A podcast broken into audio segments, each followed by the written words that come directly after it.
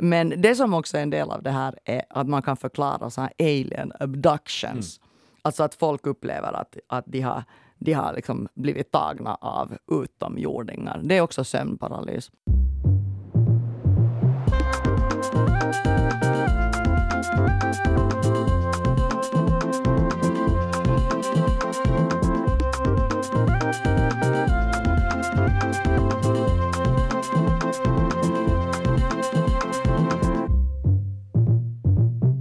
Välkommen till Sällskapet, en kulturpodd med samhällsperspektiv. Jag heter Kia Svetihin och med mig har jag Andrea Reuter och Elmer Bäck. Välkomna. Hörde, tack. tack. Hej, hej. Det är ljuvligt att vara med er i studion. No shade on Kasper när jag blev inkallad förra veckan, men det är så ljuvligt. Nu är det första gången sedan i våras vi alla är tillsammans ja, är i studion. Sedan. The original trio. Ja, ja, Triangle of happiness. ja.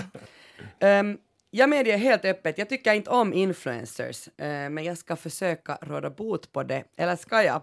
I varje fall ska jag försöka reda mm. ut varifrån vår missunnsamhet kommer mot de här typerna som sålt sin själ till företagen. Vad är en influencer egentligen och varför resignerar vi, alltså följarna, så totalt inför hens marknadskrafter? Elmer, vad ska du prata? Jag skulle vilja tala om det totala fiaskot vi kallar för kriget mot narkotikan eller the war on drugs. Ja, bra. Andrea, vad ska du prata om? Jag ska prata om sömnparalys. Och det är det här tillståndet som man genom historien har kallat att maran rider en. En vetenskaplig förklaring till att folk tror att de ser spöken. Så en, en mara, är det en mardröm? Det är därifrån ordet mardröm kommer. Yes. Mara, det är ett fint ord. Mm. Det här blir så spännande. Bra. All right, jag börjar.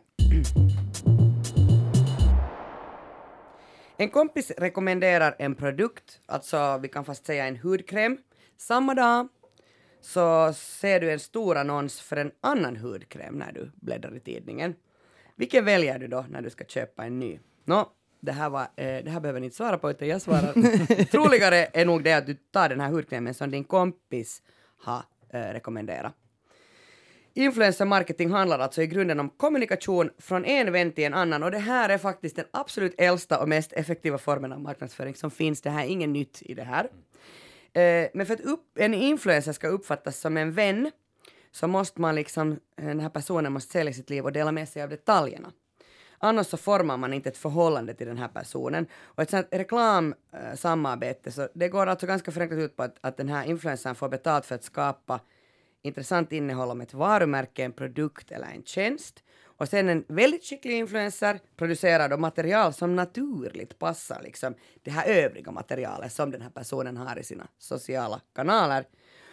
Men sen är det väldigt viktigt då att, att enligt marknadsföringslagen så det här inlägget måste reklammärkas, det måste mm. stå liksom, det här är mm. reklam. No, de flesta som är influencers på heltid har olika inkomstkällor, alltså det här yrket innebär att, att man har flera yrken i ett.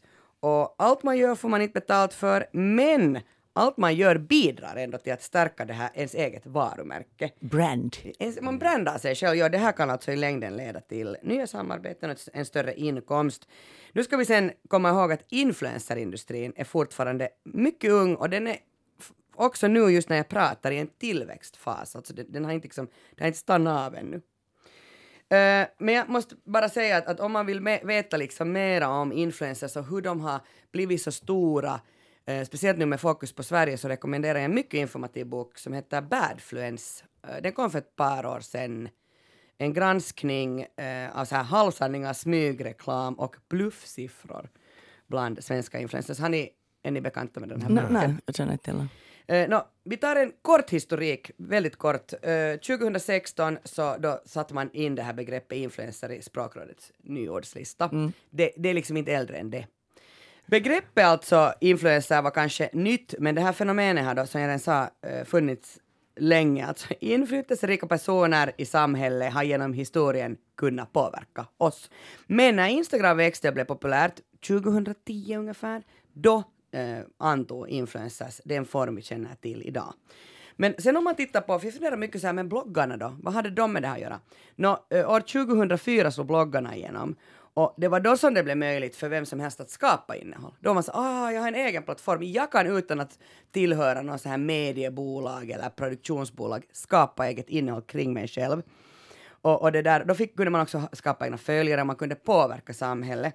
Sen influencermarknaden, så den förflyttades då över till den här digitala världen och sen började den anta sin nuvarande form där vi är idag. Helt kort alltså. Och enligt en undersökning som gjordes i början av 2022 så stod influencermarketing i Finland för 40 miljoner euro. Har du någon jämförelsesiffra med hur och- mycket som läck... Jo, jämfört med 2020 är den här tillväxten då 41 procent. I Sverige är branschen mycket större. De har en helt annan, också tänker jag, kultur kring bloggare och, och hur, de, hur, hur stora de är. Eh, men från 2006 eh, från 2016 till 2021 så har man mer än tredubblat de här pengarna. Ja. Eh, om folk som poserar för selfies eller liksom har flöden som är superblankpolerade, det här kan man tycka helt vad man vill om, men faktum kvarstår. Våra blickar riktas hit. Och därmed också annonsörernas.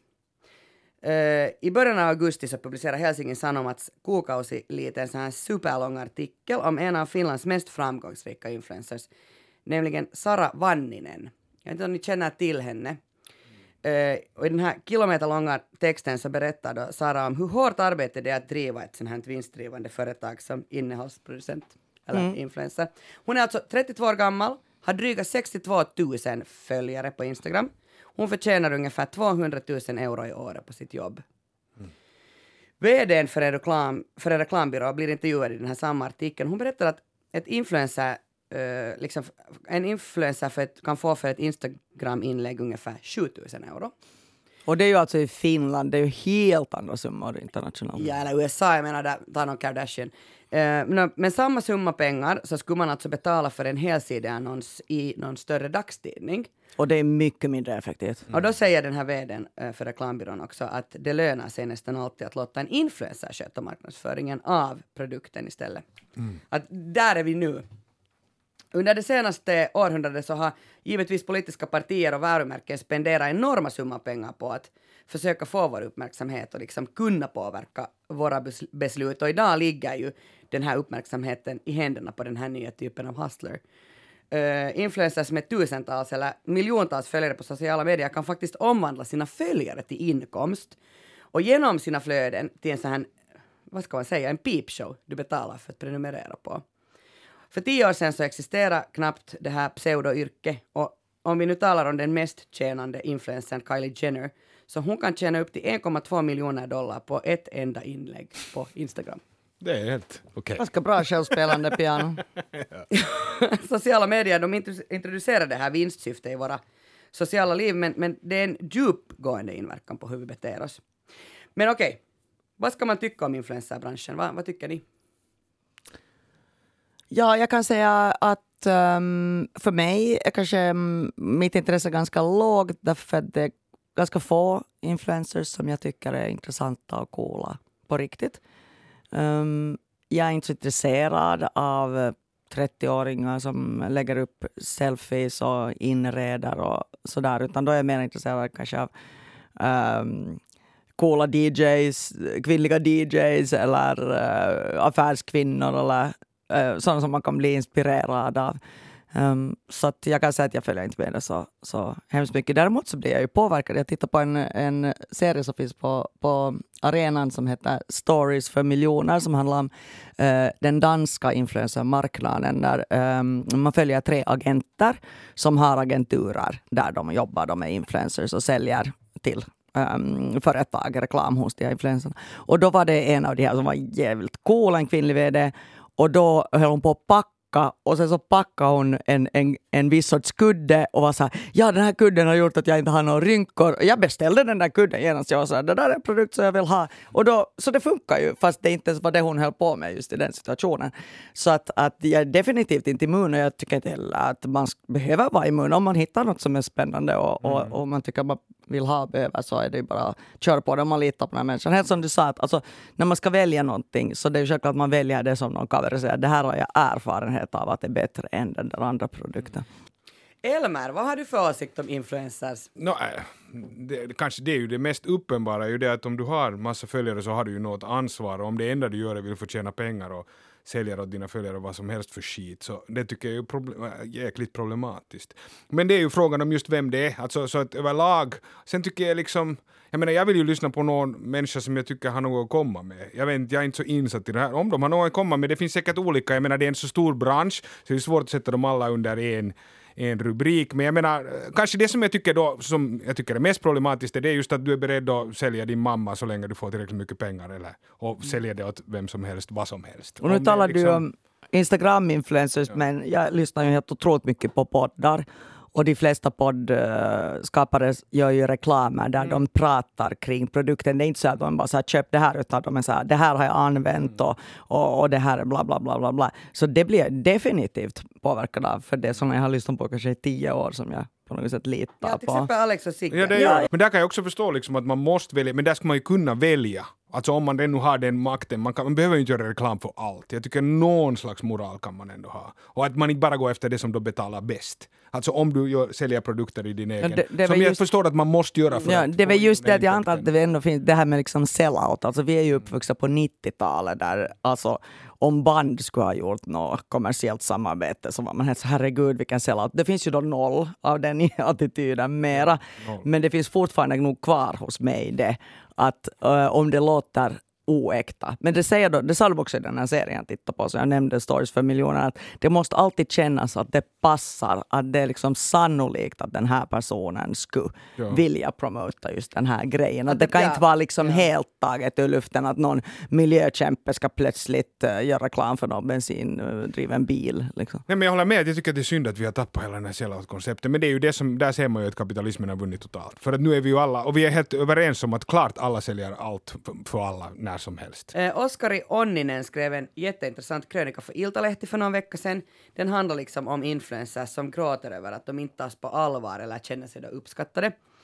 Och han säger i den här krönikan att det är endast ett gott tecken att kommersiella influencers som tjänar flera hundratusen euro per år inte finns med på listan, listorna över liksom de mest uppskattade yrkena. Och det här är förstås en blinkning till Helsingin Sanomats artikel om den här Sara Vanninen som bara grät och var sådär varför uppskattar ni inte mig? Jag tänker mer att det är sådär, alltså, det är ett legit yrke, absolut. Men man behöver ju kanske inte bygga upp det som att det är det viktigaste Ja, yrket som ja. finns, eller det absolut svåraste. Okej, det tar tid att skapa inlägg, sure. Men det, det är ju inte som att man räddar liv eller att man är ute i någon krigszon. Eller något. Det, det, är ju, det är ganska kul ändå att vara i en studio och bli f- fotad. Eh, Jag menar, Sen tror jag ju att du blir helt totalt deprimerad. Jag tror att om du är sådär liksom egocentrerad som man måste Ja, vara, om du ska sån brända dig, så om du ska se, det är så sån narcissism. Alltså jag förstår varför de mår skit. Jag tror att det är helt enkelt alltså en väg att må jäkligt dåligt, så det förstår jag. Men jag tycker att det här yrket gör det åt en. Det tror jag definitivt. Så på det viset är det ju. Jag, jag tänker så här, det, det finns ju många problem med den här affärsgrenen. Det som stör mig kanske mest är att de flesta riktigt framgångsrika influencers är kvinnor. Och man blir direkt anklagad för misogyni om man eh, säger ett kritiskt ord om influencers.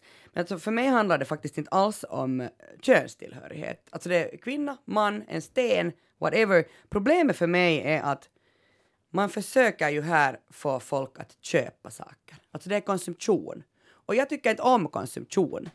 Eh, därför tycker jag att det, det är liksom, därför, därav har jag en, en viss sån här agg Kritik, ja. mot, mot influencer-marketing. Eh, men den här branschen har vuxit fram med ett förändrat mediekonsumentbeteende. Att influensen blev liksom till i hela sociala medier-explosionen.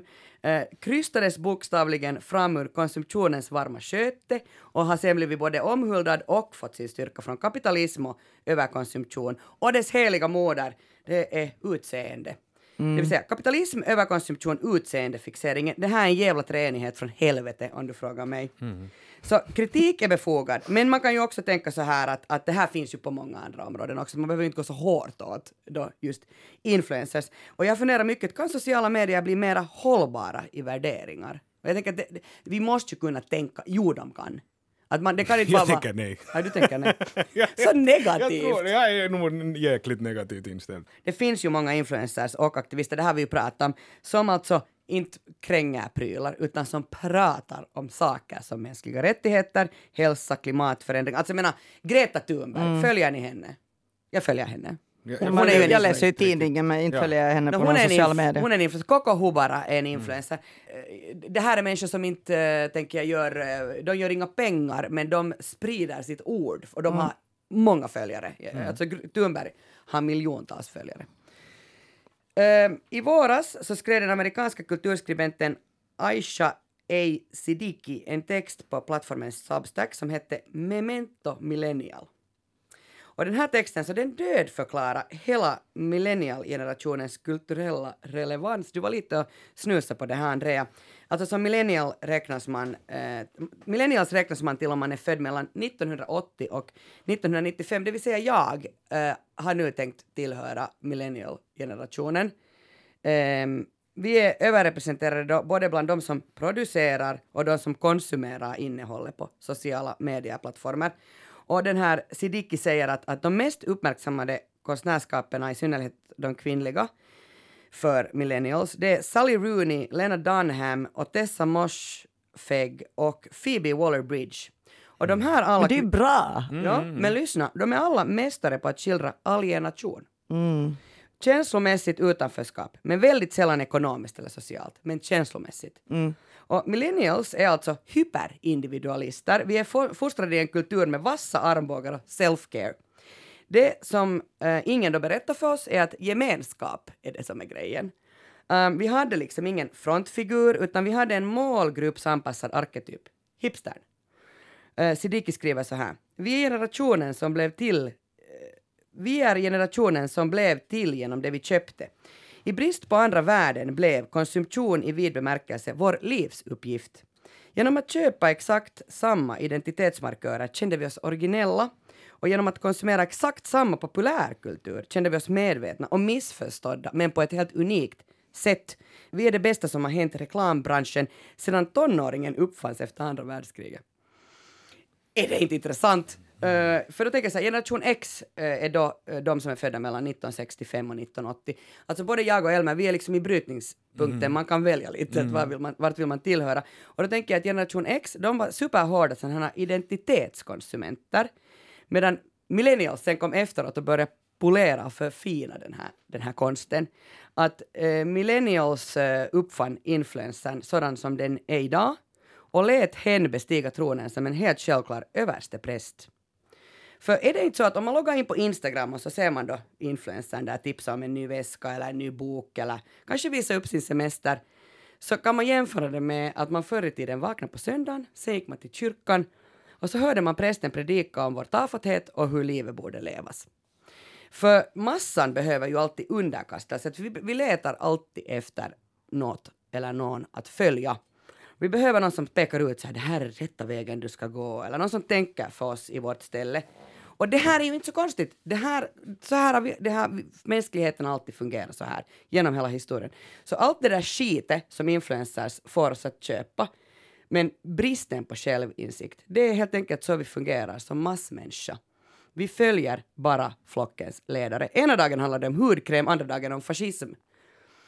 Gud är död och det är vi som har dödat honom tillsammans med alla andra stora berättelser som till exempel den om nationen. Och det som finns kvar är vår längtan efter att bli frälsta och höra till någon församling. Och det här ska helst då ske utan att jag behöver anstränga mig överhuvudtaget. Vi vill bara följa med någon.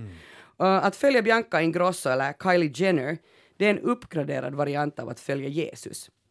Eftersom vi är massmänniskor och liksom får i en fårskock så blir det influencerns roll att få oss att känna oss älskade och det är det vi egentligen allra mest vill ha. Vi vill ha kärlek. Så den postmoderna människan tror inte längre på något men ingenting har hänt med vår grunddrift att tro. Det enda, den enda stora berättelsen som finns kvar är den om kapitalismen och Bianca Ingrosso är dess profet. Att influencers dessutom då inte vet hur de ska bete sig när det clashar med gamla världens institutioner, och nu tänker jag ju då på vässan på Talludden.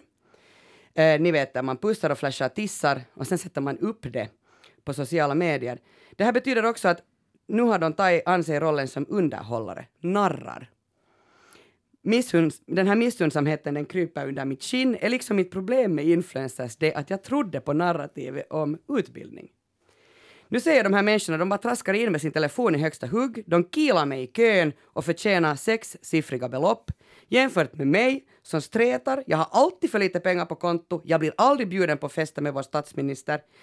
Du ska förtjäna din framgång, inte bara få den, skriker det i mina öron. Men för att klargöra, jag hatar alltså inte influencers. Jag bara önskar att det som yrke inte skulle existera. Eller att de som då är influencers till yrke skulle ta mera ansvar då, både för sig själv men också för sina följare. Men ett sånt ansvar skulle väl i praktiken omöjliggöra själva arbetet. Mm, för jag tänker att det är ganska många, till exempel då Bianca Ingrosso, hon pratar ju mycket om uh, mental hälsa. Så att där finns ju ett ansvar. Och, och, det är ju vilken kampanj som helst från staten är ju ingenting jämfört med om hon berättar hur hon har mått dåligt och hur hon har tagit sig igenom det och så vidare. Att det kan ju det, det, är ju inte att en, för att någon är jättekommersiell, inte skulle kunna också ha en påverkan som, som är bra med att sprida någon slags folkbildning och så. Nej, sen blir jag bara rädd med det mental hälsa, det är ju också ett sätt att förtjäna pengar sen på de här människorna som sen märker att okej, okay, jag mår dåligt, jag måste gå i terapi, jag måste få det och det och jag måste få det och det. Alltså, jag tror att problemet är att, det är bra att de får hjälp, eller vad menar Bra att de får hjälp, men det är ju också ett sätt att göra pengar. Jag tänker att det finns en hets, alltså det finns en hets att man också ska lägga pengar. Alltså jag menar, allt går att kapitalisera på. Mm. Så nu är det också det att om du har dålig mental hälsa, det är viktigt att du sätter dina pengar på det då, du ska köpa den och den boken, och du ska gå till den och den terapeuten, och det ska kosta så och så mycket. Jag menar bara att problemet är det att i slutändan så, och då menar jag inte att det är hon personligen, hon pratar säkert om sina egna problem, men problemet är det att utifrån så är det där också bra, för det går också att kapitalisera på. Mm. Och jag läste faktiskt sen följande. I våras så startade Finlands första Influencer Academy på Tammerfors yrkeshögskola. Ett stort bokförlag börjar erbjuda särskilda avgiftsfria författarkurser för influencers. Det behövs. En ny studie har avslöjat att en av fyra amerikanska Generation Z-personer vill bli sociala medier-influencers mer än något annat. Så det ser ju alltså inte ut som att morgondagens ungdomskultur bjuder på något större motstånd. Tyvärr. Alright. Uh, eh, Elmer, varsågod. Ja. Jag skulle tala om, uh, ja, om det fiasko som vi kallar för kriget mot narkotikan, eller då mer känt som the war on drugs. Uh, jag vet inte om ni har följt med, men alltså för ungefär en och en halv vecka sedan så landade det en sån här stor stor nyhet som sände chockvågor över världen och det var att Colombia hade bestämt sig för att legalisera kokain. Mm. Nåja, det visade ju sig att det var en nyhetsanka, det skulle de inte alls. Men det som de sa att de istället skulle då sluta jaga så att säga användare, eller missbrukare eller användare. Brukare. Och brukare, ja. Allihop säkert. Nej men brukare ja, ja, vad brukare, man ska säga. Ja, bruk, ja. Ah, okej, okay, brukare. Ja. Mm -hmm. Och då de bönder som då odlar kokabuskarna.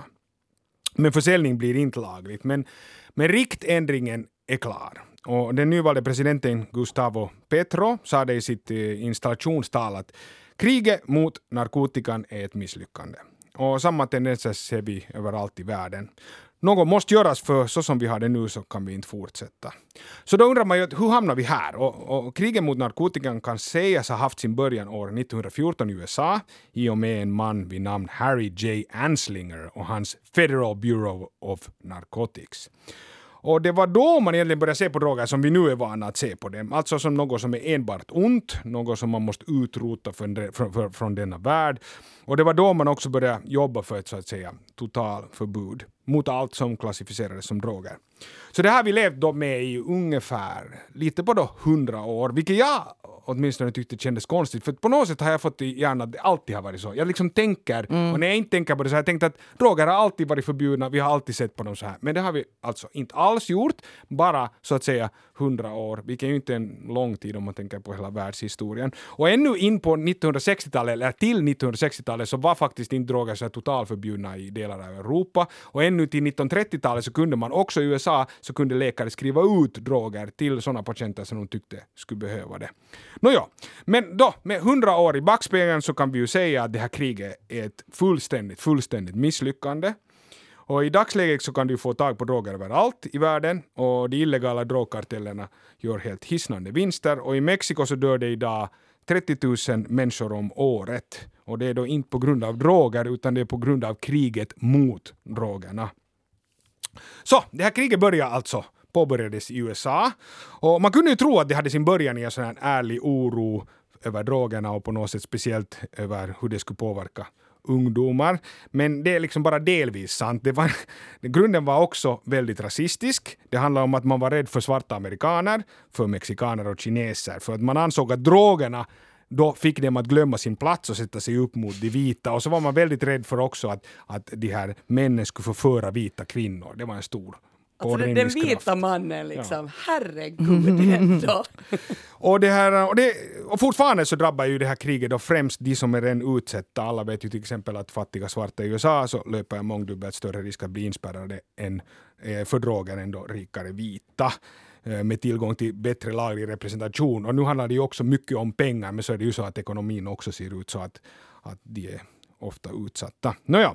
Eh, och sen är det ju att det här kriget mot drogerna används också ofta politiskt därför att det helt enkelt funkar, det är populärt. Folk är rädda för droger så det är liksom populärt att kriga mot dem. Även om, man ofta, även om det ofta finns kunskap om att det inte går att vinna på det sättet. Det visste bland annat Nixon och det visste också Reagan.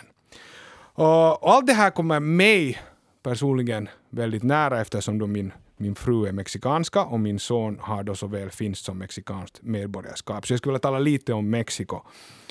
Eh, alla känner säkert till situationen så i stora drag, men här kommer nu en snabb, snabb genomgång. Eh, på 30-talet då USA då tryckte på med det här kriget mot narkotikan så sa faktiskt Mexiko att de vill inte gå med på det här. För de sa att det här kommer att gå åt helvete, vi vill inte gå med. Nå, då började liksom USA trycka på och hota med ekonomiska konsekvenser och det har egentligen USA hotat med, eller hållit på med egentligen under hela det här kriget. Att, att det är lite det där, antingen är du med oss eller så är du mot mm. oss. Att det finns en ganska starkt tryck därifrån.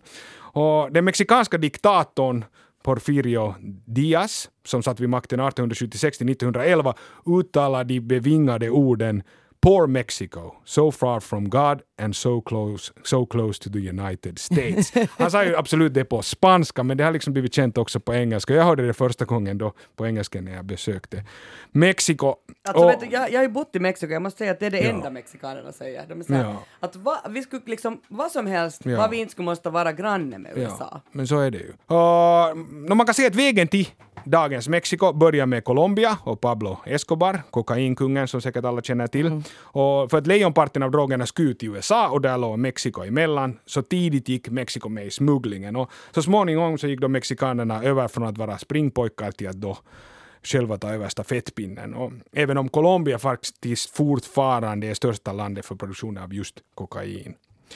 Uh, no, Mexiko började alltså själv producera droger och smuggla över dem. Och det visade sig vara en hejdundrande business. Och tillbaka över gränsen så kom pengar och också vapen. Och det är kanske en sak som folk inte vet. Det är ganska svårt att få tag på vapen i Mexiko, men det är ju som vi alla vet jättelätt att få tag på vapen i USA.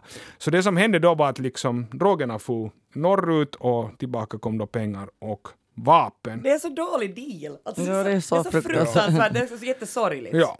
Och de här drogkartellerna växte då i styrka och det bildades fler och fler också för att det fanns så jäkla mycket pengar att tjäna helt enkelt. Mm. År 2006 så bestämde sig då den dåvarande presidenten för Mexiko, Felipe Calderón, att förklara krig mot kartellerna. Och så gick armén då gick till, till attack på bred front och det gjorde allt bara värre. Det var då dödstalen sköt i höjden och sen har de legat där uppe sen dess. Uh, man har liknat den här operationen med att man liksom att man vevar runt med en trädpinne i ett getingbo. Det är ungefär, mm. det är mm. ungefär det som hände. Och lika dåligt har det gått med dem med de försöken att man försöker arrestera då topp eller cheferna, de här kartelltopparna. För det leder bara till maktvakuum, så blir det mera krig inom kartellen och får den platsen och det, då ser de andra kartellerna också sin chans och de kommer in på det reviret och allt det här leder helt enkelt till mera, mera död. Så nu ligger alltså morden i Mexiko på ungefär då 30 000 per år och det betyder alltså ungefär 80 mord per dag. Och på det kommer då massa liksom försvinnanden och tortyr och våldtäkter etc.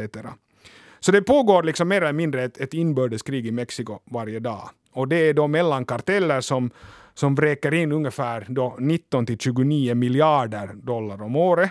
Och de är också utrustade med ungefär de mest utvecklade vapen som finns på vår jord. Och jag tänker ju normalt att jag, att jag gärna vill lära mig så mycket om saker som skrämmer mig. För att normalt så brukar det liksom skingra rädslan och så kan man bättre fokusera på vad problemet egentligen är. Men det här, det här liksom fungerar inte när det gäller den här situationen i Mexiko. För att jag har läst på om det här och alltså det, det, man, det man får reda på är alltså, det är så fruktansvärt. panik, Nej, det är så fruktansvärt. Jag säger att det är ungefär så att man kan fantisera det värsta man kan tänka sig och så är det liksom hundra gånger värre än det. Och det är också logiskt att det är så. För att eh, de här kartellerna lever på skräck. Så de måste ju liksom visa hela tiden att de är värst. Jag hörde, jag måste säga här Ja. inflicka att eh, jag hörde i Godmorgonvärlden på söndag eh, att den här eh, tidigare riksåklagaren Jesus Murillo Caram eh, har, har nu gripits och han är misstänkt för att ha mörkat vad som hände. De, kommer ni ihåg? Ja, men det är eh, 43. 2014 43 stycken försvunna studenter från Ayotzinapa. Eh, Så de var alltså ute och demonstrera mot, dessutom var det väl mot den här eh, studentmassakern 1968, där man alltså bara döda massa studenter. Så det visade sig alltså att han var ansvarig för den här granskningsrapporten som presenterades eh, år efter att studenterna har försvunnit och han åtalas för påtvingat försvinnande, tortyr och förhindrande av rättvisa. Med tanke på alltså att allting går att köpa. Alla är köpta. Alltså allting är så genomkorrupt och rutigt i det där landet på grund av det här kriget mot drogerna. Så är det, för att det finns så mycket pengar. Det kommer in så mycket pengar. No, och sen är det ju också så att om du, om du bor på fel plats eller om du råkar se fel sak eller vara på fel ställe så kan det gå dåligt även fast du inte skulle ha något att göra med, med, med droger själv. Och de som råkar i kläm är då ofta de som redan är mest utsatta och fattiga. Och jag trodde i början när, när, när jag spenderade tid i Mexiko att det här samtalsämnet är, är tabu, men, men, men så är det inte, utan det är snarare det att vad ska man liksom säga om det? För att det känns så hopplöst, den här eh, situationen. Och jag har läst finska nyheter om Mexiko och ibland beskrivs Mexiko där som en failed state. Och det måste jag säga, det provocerar mig jäkligt mycket, för vad ska man med den titeln till? Alltså vad ska de 120 miljoner människor som lever där, vad ska de göra med den analysen? Nå, sen ska det också sägas att det vardagliga livet i Mexiko så stöter det nu inte direkt på den här verksamheten, men det ligger aldrig liksom mer än några steg bort. Så allt det här är då en otrolig, otrolig tragedi. Den största jag känner till personligen i, i mitt liv. Och den här tragedin äger inte rum då på grund av narkotikan, utan det äger rum på grund av kriget mot det. Mot den då. Och så jag skulle säga att det här är ett ganska uppenbart exempel på när läkemedel är värre än sjukdomen.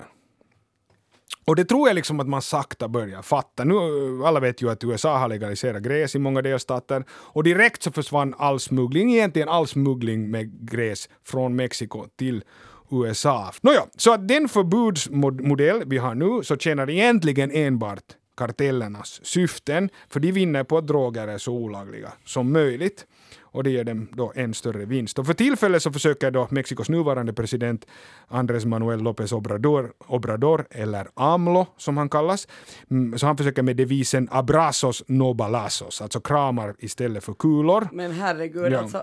Han vill hjälpa då unga mexikaner att inte välja kartellerna genom till exempel att ge dem bättre möjlighet till studier. Och det är en jättefin tanke och det här behövs också, det ska också sägas, det behövs också, alltså Mexiko är ett klassamhälle så det behövs också jobbas med de här grejerna. Men problemet är att för tillfälle är de här kartellerna helt enkelt för mäktiga och för rika. Och ingenting ser ut att ändras på den fronten. För att chansen att då folk skulle helt enkelt sluta ta, ta droger Alltså, det finns inte. Och också här i Finland så ökar ju droganvändningen för tillfället. Som det just varit mycket i nyheterna och så jag tror att alla har lagt märke till det. Och det ska också säga att, att vissa av de drogerna som, som finns här har direkt koppling till de här mexikanska kartellerna. Och det säger jag då inte för att man ska lägga över skulden för vad som händer i Mexiko på den enskilda användaren, för det tror jag är ungefär samma sak som att skylla klimatkrisen på den enskilda köttätaren. Men det ska sägas att vi har en koppling. Och det ska också sägas att det här är inte Mexikos ensak och det här är inte heller Mexikos eget fel. Och den här situationen är alltså helt ohållbar och, och, och den blir bara värre. Och det finns ju tendenser också i andra länder. Jag menar, Sverige har ju redan utvecklar problem och det finns ju indicier på att det skulle kunna hända här också.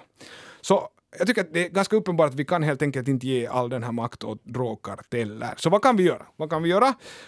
Nå, dels tycker jag att vi måste börja våga tala öppet och sanningsenligt om droger. För att hemskt länge så har det bara varit rädsla, rädsla som styrt. Man har gjort liksom likhetstecken mellan alla droger och trott på då devisen att om du en gång använder vilken drog som helst så leder det, leder det direkt till fördärve. Så var det i alla fall de lärde mig liksom då när jag, när jag var yngre och så här. Och, och det här är ju helt enkelt inte sant. Alltså, det, det, det finns enligt undersökningar så blir då 90% inte beroende medan 10% blir Det är väl ungefär som alkohol. Ja, och det varierar ju såklart mellan, mellan droger, men det är ungefär där det ligger. Och, och det, som du säger, det, det är som alkohol. Tobak är, är mera beroendeframkallande än de absolut främ, liksom flesta droger. Men så blir då det nästa fråga, att, och hur, hur behandlar vi de, de här människorna som som de här 10 procenten, som också ska sägas är en hög siffra. Alltså jag säger inte att 10 procent är ingenting. 10 procent är en hög siffra och hur behandlar vi dem? Det är ju jättemycket olika på vilka droger, men det är väl Så är det, men om vi tar noll. Ja. Men som det är med alkohol, alltså det är, inte kan man heller säga att alkohol inte skulle vara problematiskt. Liksom, Nej, nej, nej, oproblematiskt. Så jag menar det, och, men då blir det ju intressant, hur behandlar vi de här människorna som då blir fast i det här missbruket? Nå, vi behandlar dem som skit. Vi- behandlar Som dem som, som, som brottslingar. Ja, som skit och som brottslingar. Så om jag, menar, om jag skulle säga att vi borde slänga alkohol, alla alkoholister i fängelse så tror jag inte att hemskt många skulle hålla med mig. Jag tror att de flesta skulle säga nej, nej, vi ska hjälpa dem. Ja. så varför gör vi inte med drogmissbrukare?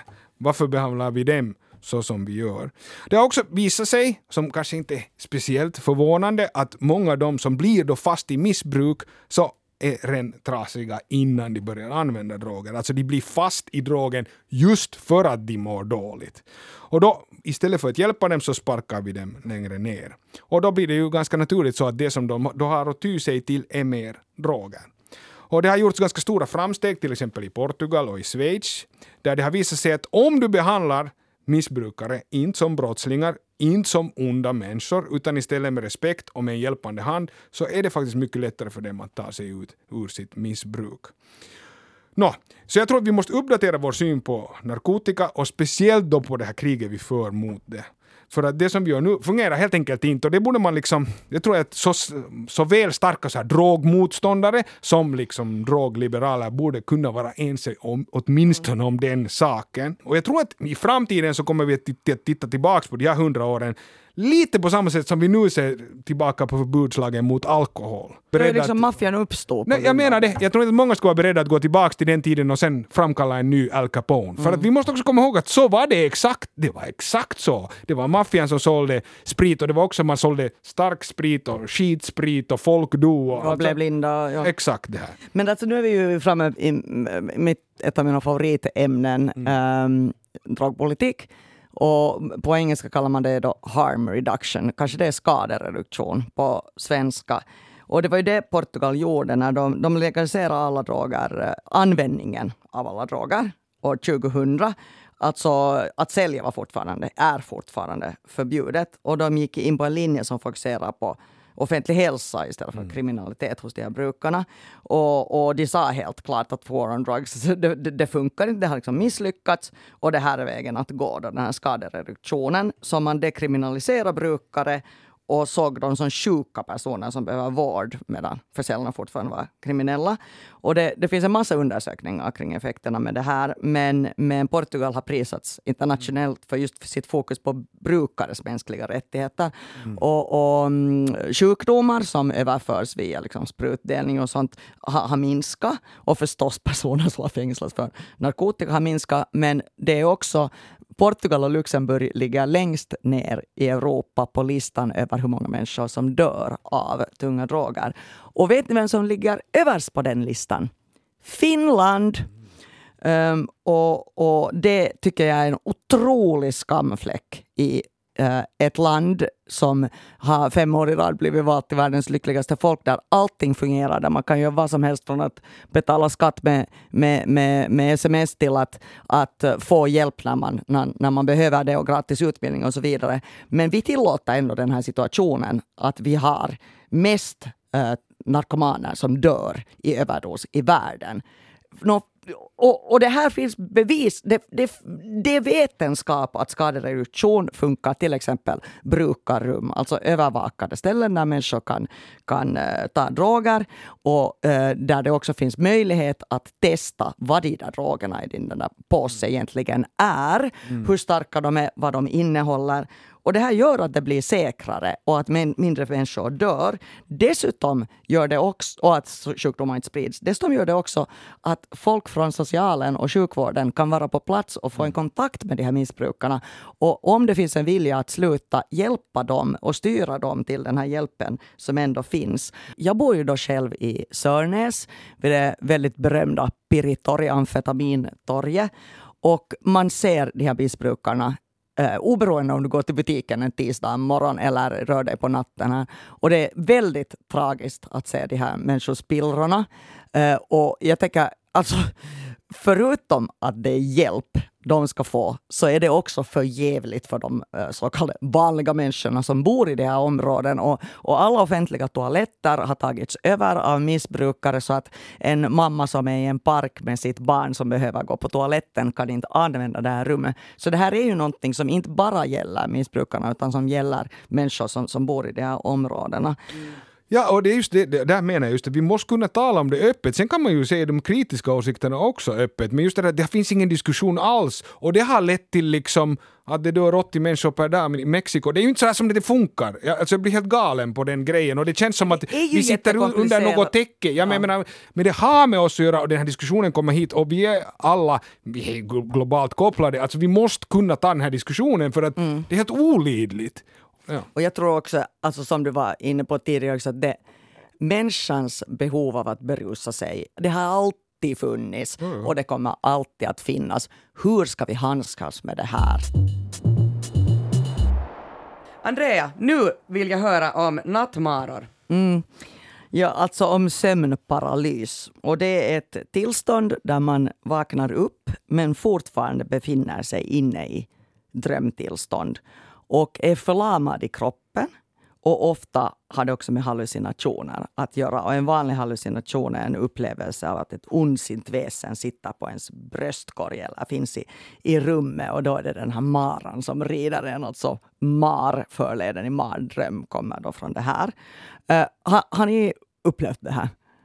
Alltså jag hade aldrig hört om sömnparalys eh, innan, eller jag har inte tänkt på det. Eh, men jag har ju mardrömmar, så är mardröm nu samma sak som nattmara? Nej. nej.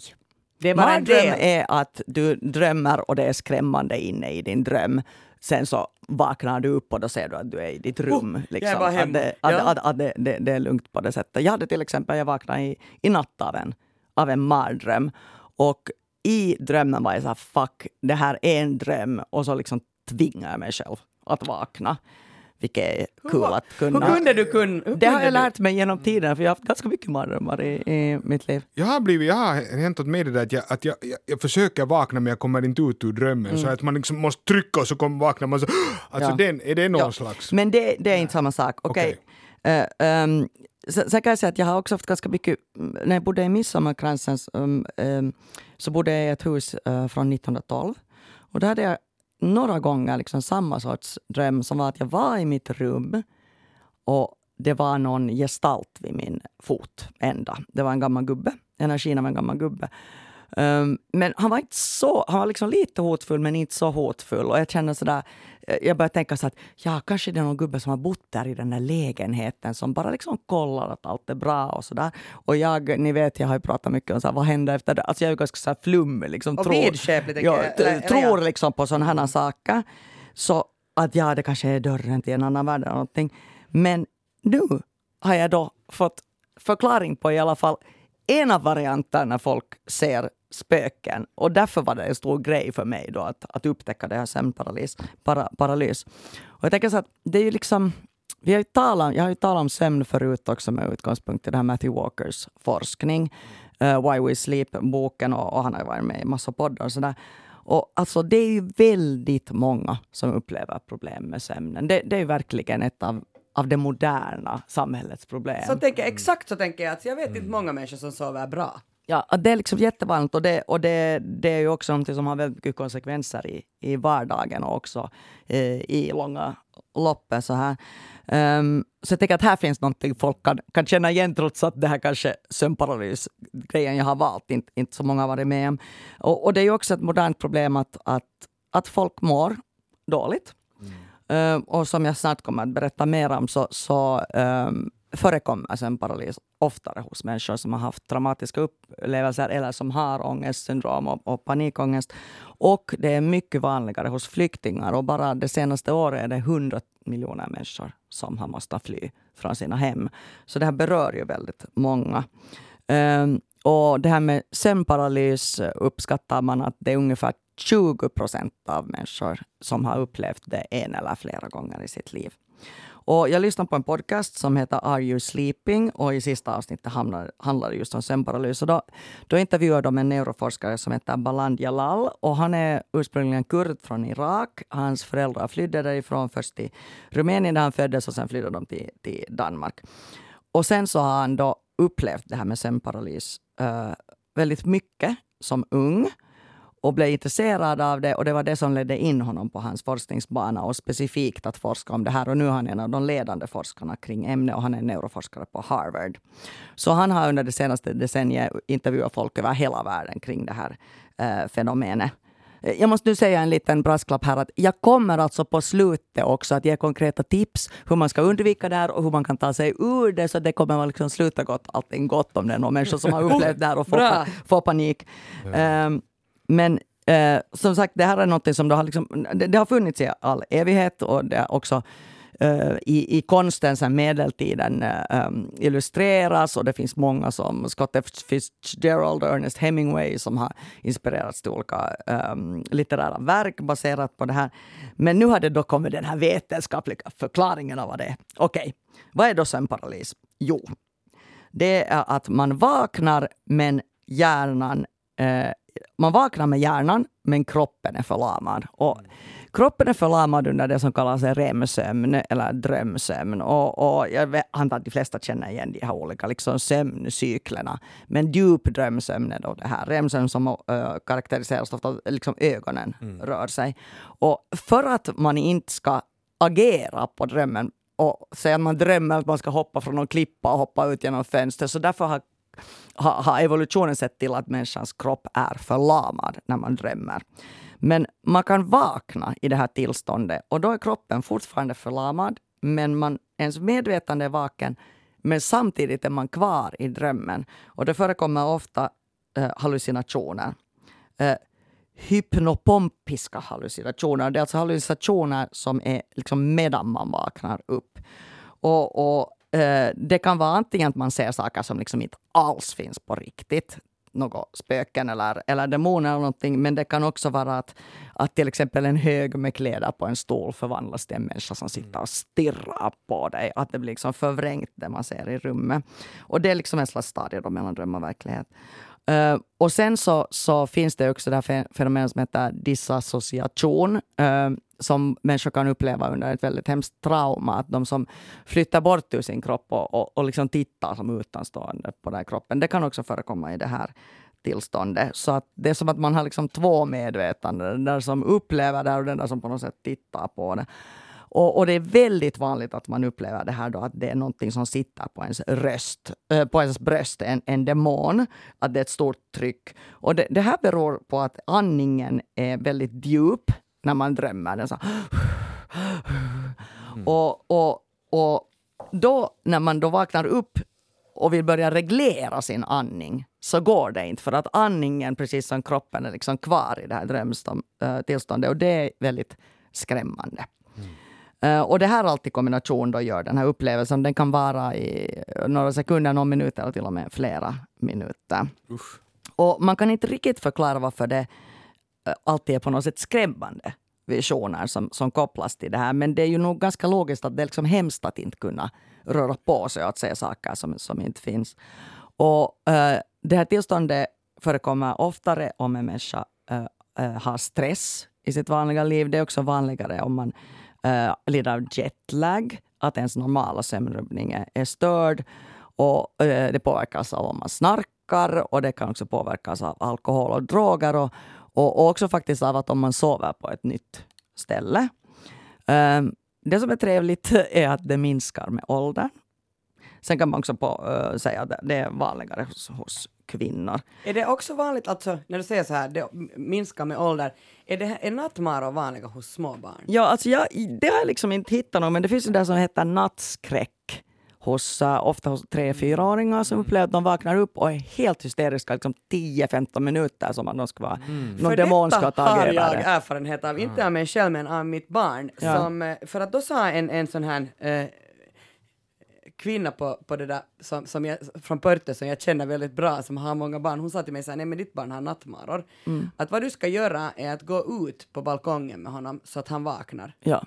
Och, det där, Ah. och, och, och fortsättningsvis har mitt barn ganska hemska mardrömmar. Jag hoppas att det här är faktiskt inte är sömnparalys han, han nu då lider av. För det här är för mig helt nytt vad Mm. Ja. du berättar. Men, men det där, då, tänker jag så här, då var det så här jätteviktigt att jag gick ut fast det var iskallt att han vaknade. Det som jag tyckte var jätteintressant när jag liksom eh, började kolla upp det här, det är att, att vad eh, man eh, upplever att händer, vilken sorts eh, varelser det är som plågar en, det är kulturellt betingat. Det är olika vad folk ser och skräms av i olika kulturer. Och det är också att om det i en kultur är väldigt liksom känt det här att maran rider en, så händer det också oftare folk. För att det finns någon sån här liksom underliggande rädsla. Men eh, till exempel i Italien så finns det då pandafaga. Och det är en jättekatt som förvandlas till en häxa.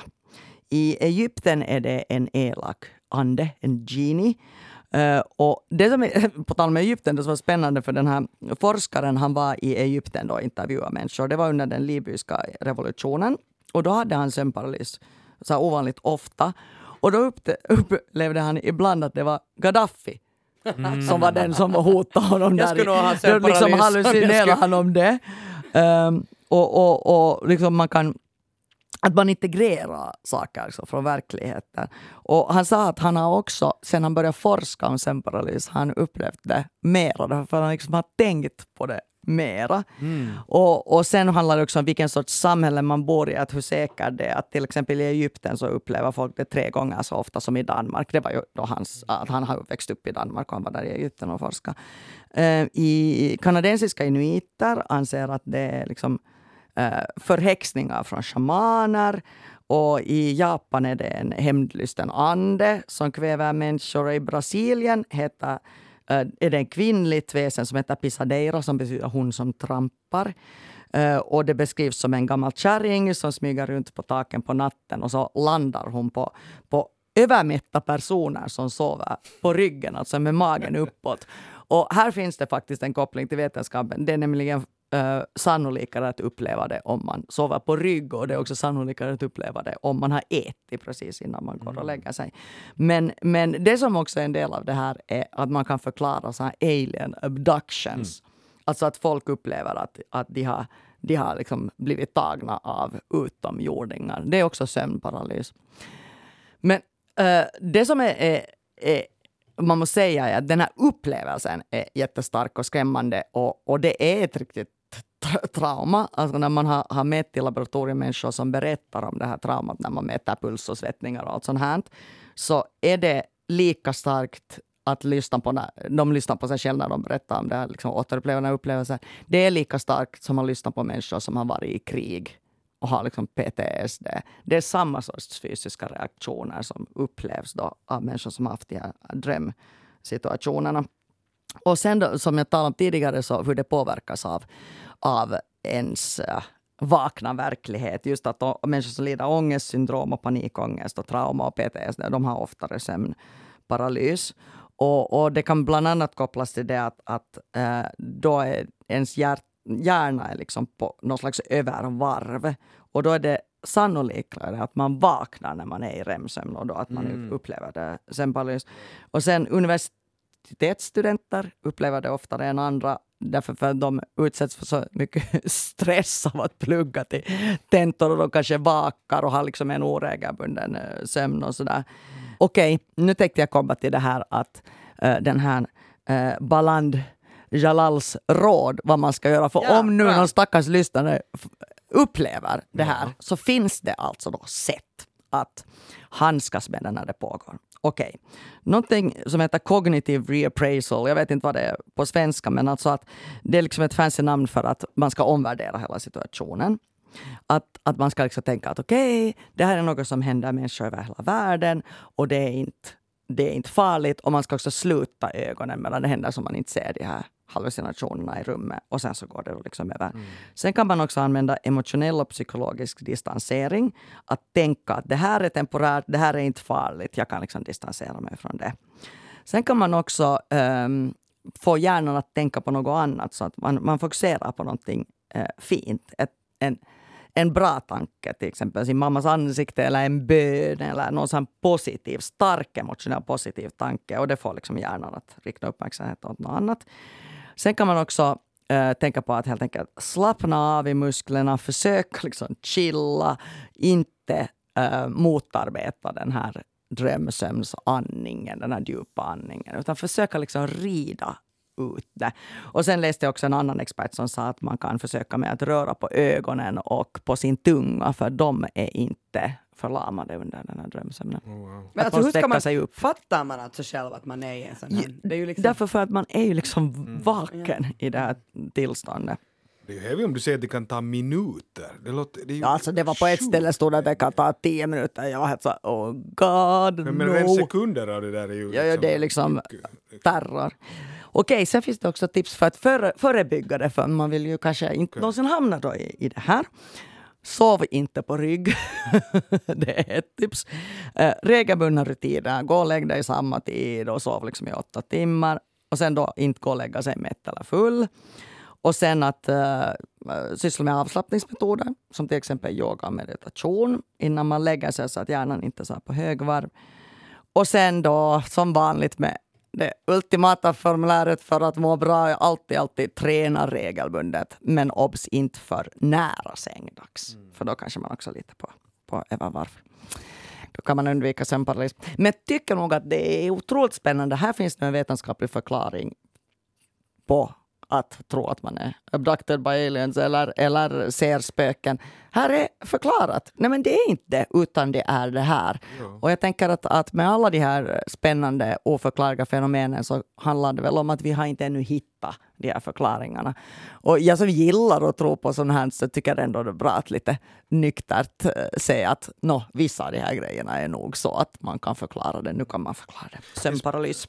Spännande det där med utomjordingar, för det är ju något som jag verkligen har hört flera gånger, men det kanske också är kulturellt betingat. Alltså för att vi har den historien. Exakt. Så, så, så ser Och det man påverkas ju av vad man jag liksom menar just det, tror Man på. väntar sig det och så ser Ja. man det. Vilka ämnen vi har tagit oss an idag. Eh, Jag säger stort tack till Andrea Reuter för sällskapet. Hördu, tack för att jag fick komma hit. Tack Elmer Bäck för sällskapet. Tack så mycket. Vi hörs, hej då! Hej då! Hej!